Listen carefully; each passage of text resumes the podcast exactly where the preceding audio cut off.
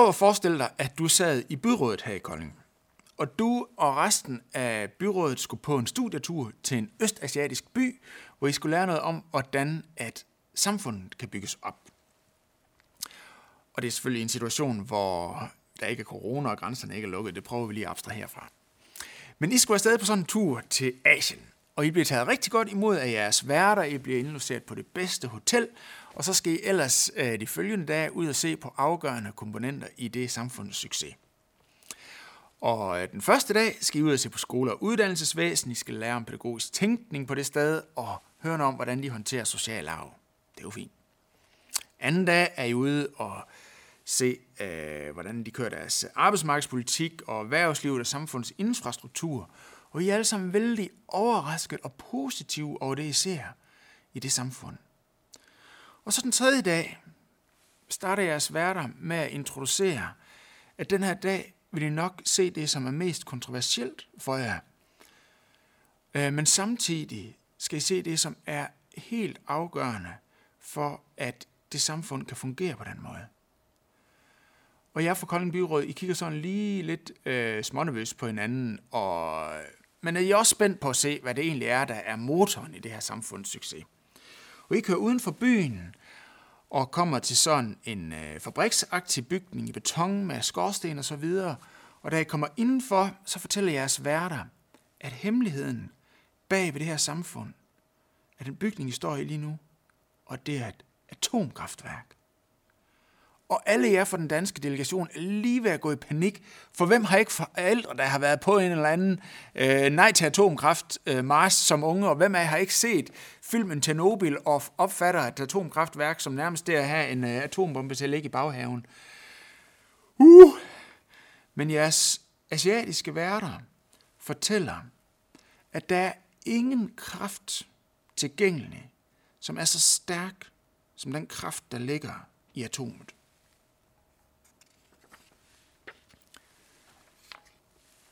I dag er det langfredag, og vi står ikke ved et atomkraftværk, men vi står ved Jesu kors. Og ligesom ved et atomkraftværk, så har vi en instinktiv forbehold over for det, fordi vi er klar over, at her er noget, der er farligt.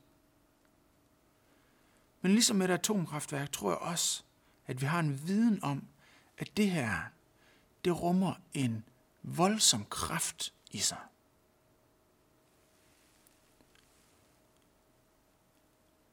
Langfredag er det ikke længere interessant.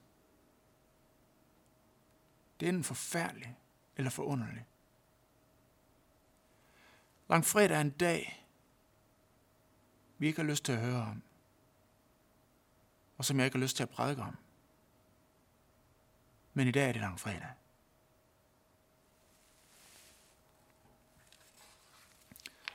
Kors, korset, var et romersk torturinstrument. På latin, som de talte dengang, der betyder det at korsfeste. Det er præcis det samme ord som for at torturere. Og pointen med korsfeste var langt fra bare det at få folk slået ihjel. Det var en utrolig bøvlet måde at slå folk ihjel, og også meget dyr. Og en romersk retspraksis bestod af fire forskellige former for dødsstraffe. Den første var halshugning som var sådan den mest humane måde, også den billigste måde, og den øh, mest smertefri måde. Og den måde at dø på var forbeholdt øh, fornemme romerske statsborgere. Så var den lidt mere bestialske måde at dø på, det var at blive smidt for de vilde dyr i Colosseum, eller de her amfiteater. Det var begrænset, hvor langtrukken den smerte var. Altså, den var lige længere end en halshugning, men altså, når først en løve kaster sig over øh, en, så er det rimelig hurtigt slut. Den tredje måde at dø på var ved afbrænding, hvor man blev øh, hældt tjære ud over en, og der blev stukket ild til. Det var en forfærdelig, pinefuld måde at dø på. Men den værste måde at dø på var korsfæstelse. Det var simpelthen så bestialsk, at en romersk statsborger kunne ikke blive korsfæstet. Det kunne kun være slaver og oprør imod det romerske imperium. Og pointen med korsfæstelse var at udstille den døendes langsomme dødskamp i ydmygelse og skrækkelige smerter med det ene formål at skabe frygt En frygtelig frygt ved at sige, at hvis du gør ligesom den her person, så kan du ende på samme måde. Pontius Pilatus, som dømte Jesus, skrev på anklageskriftet over ham, jødernes konge. Med andre ord, sådan gør vi romer ved dem, der vil være konge og sætter sig op imod den romerske magt. Korsfæstelse var romersk terror.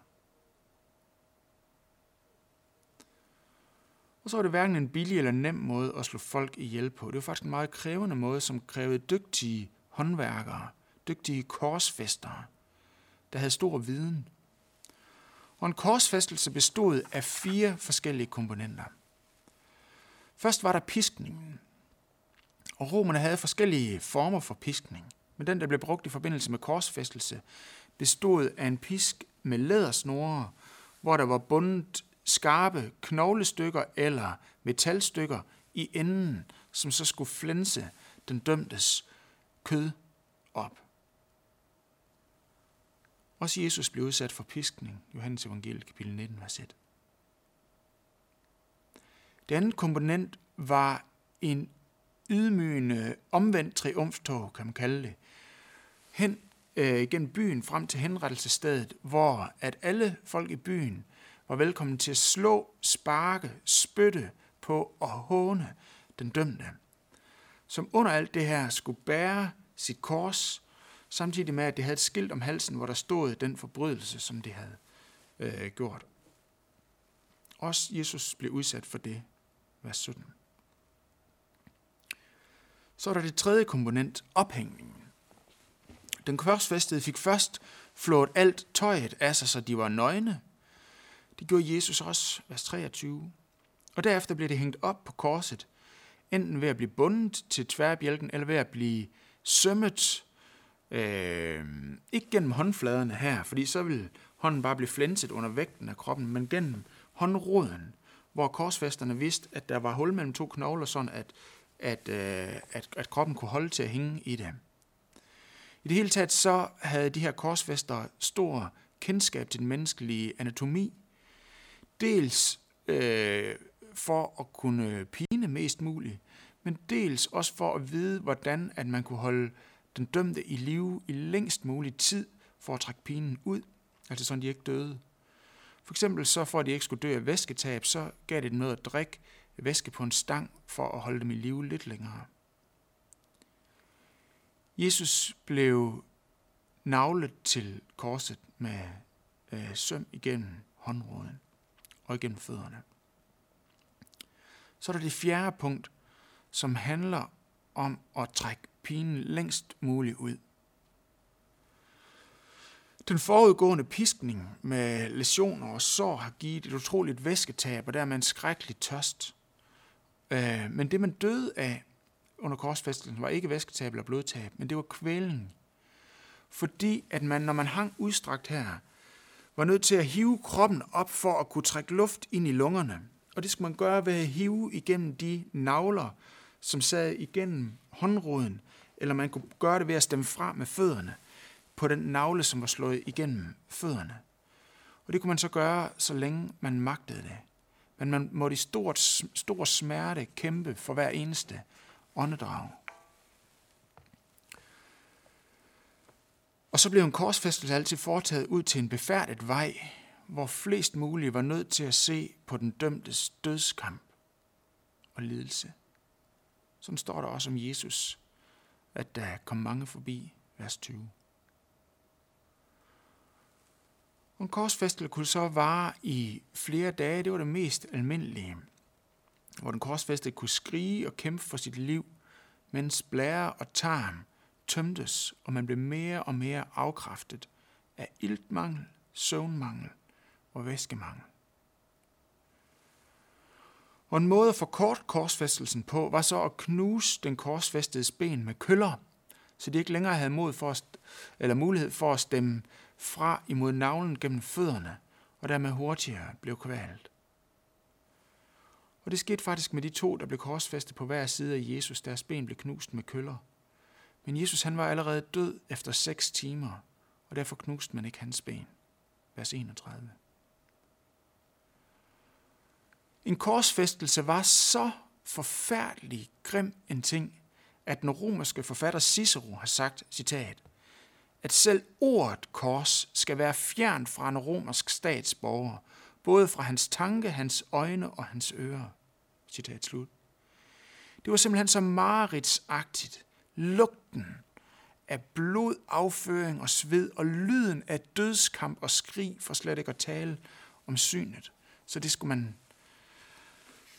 det, det skulle man ikke udsættes for at se.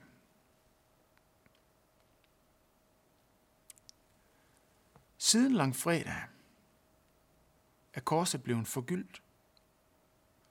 Mange år os bærer med glæde et, øh, et gyldent kors i en kæde om halsen. Og korset smykker enhver kiste. Vi har det i vores flag. Og vi giver ofte små, fine dagmarkors i dåbsgave til de børn, vi elsker allermest. Hvad sker der lige for det? Første gang jeg mødte min kammerat Christoffer Højlund, som i dag er præst i Fyns Valmenhed, var dengang jeg gik på HF i Herning. Og Christoffer var en del af Kristelig Forbund for Studerendes øh, evangelisationsteam, der tog rundt på gymnasierne og holdt religionstimer. Og de kom også ind i vores øh, klasse til en religionsteam. Jeg husker, at Christoffer han fortalte om korset. Og han halede noget frem, han havde en snor om halsen ind under trøjen. Han halede en galge frem, som han bar en snor om halsen for at understrege det her at korset var ikke bare et smykke. Det var et torturinstrument. På Jesu tid ville det have været fuldstændig absurd at gå med et kors om halsen. For det var det mest forfærdelige, man kunne forestille sig. Det var mareridsagtigt. Og vi kan spørge på en anden måde, hvorfor i alverden siger Jesus, lige inden han dør, den mest forfærdelige død, hvorfor siger han, det er fuldbragt? Hvorfor sagde han ikke, det var det mest forfærdelige, der kunne ske, eller det er ude med mig eller et eller andet. Hvorfor siger han, det er fuldbragt? I de sidste timer af sit liv, der oplevede Jesus alle former for ondskab rettet imod sig. Han blev svigtet af den, han havde vist allermest tillid af Peter, som var teamleder i discipleflokken. Han blev forrådt for penge af Judas. Han blev forladt af sine venner. Han blev overgivet til en væl sin pøbel. Han fik en retssag, der var en total frase på retfærdighed. Han blev tortureret og dræbt med mange års opsamlet ekspertise i grusomhed og romersk terror, nemlig korsfæstelsen. Hele rækken af synd og ondskab var der. Fejhed, løgn, pengegriskhed, nationalisme, racisme og korrupte religiøse og politiske institutioner. Alt, hvad der kan mønstres af menneskelig og åndelig modstand mod Gud. Men hvorfor i alverden går vi med glæde med kors i dag?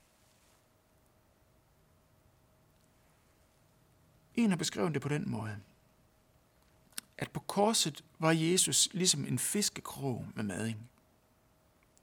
Jesus, der var fiskekrogen, var det eneste rene, det eneste eneste person, der aldrig har gjort noget forkert, den eneste hellige, det eneste syndfri menneske, der nogensinde har levet. Det bedste menneske.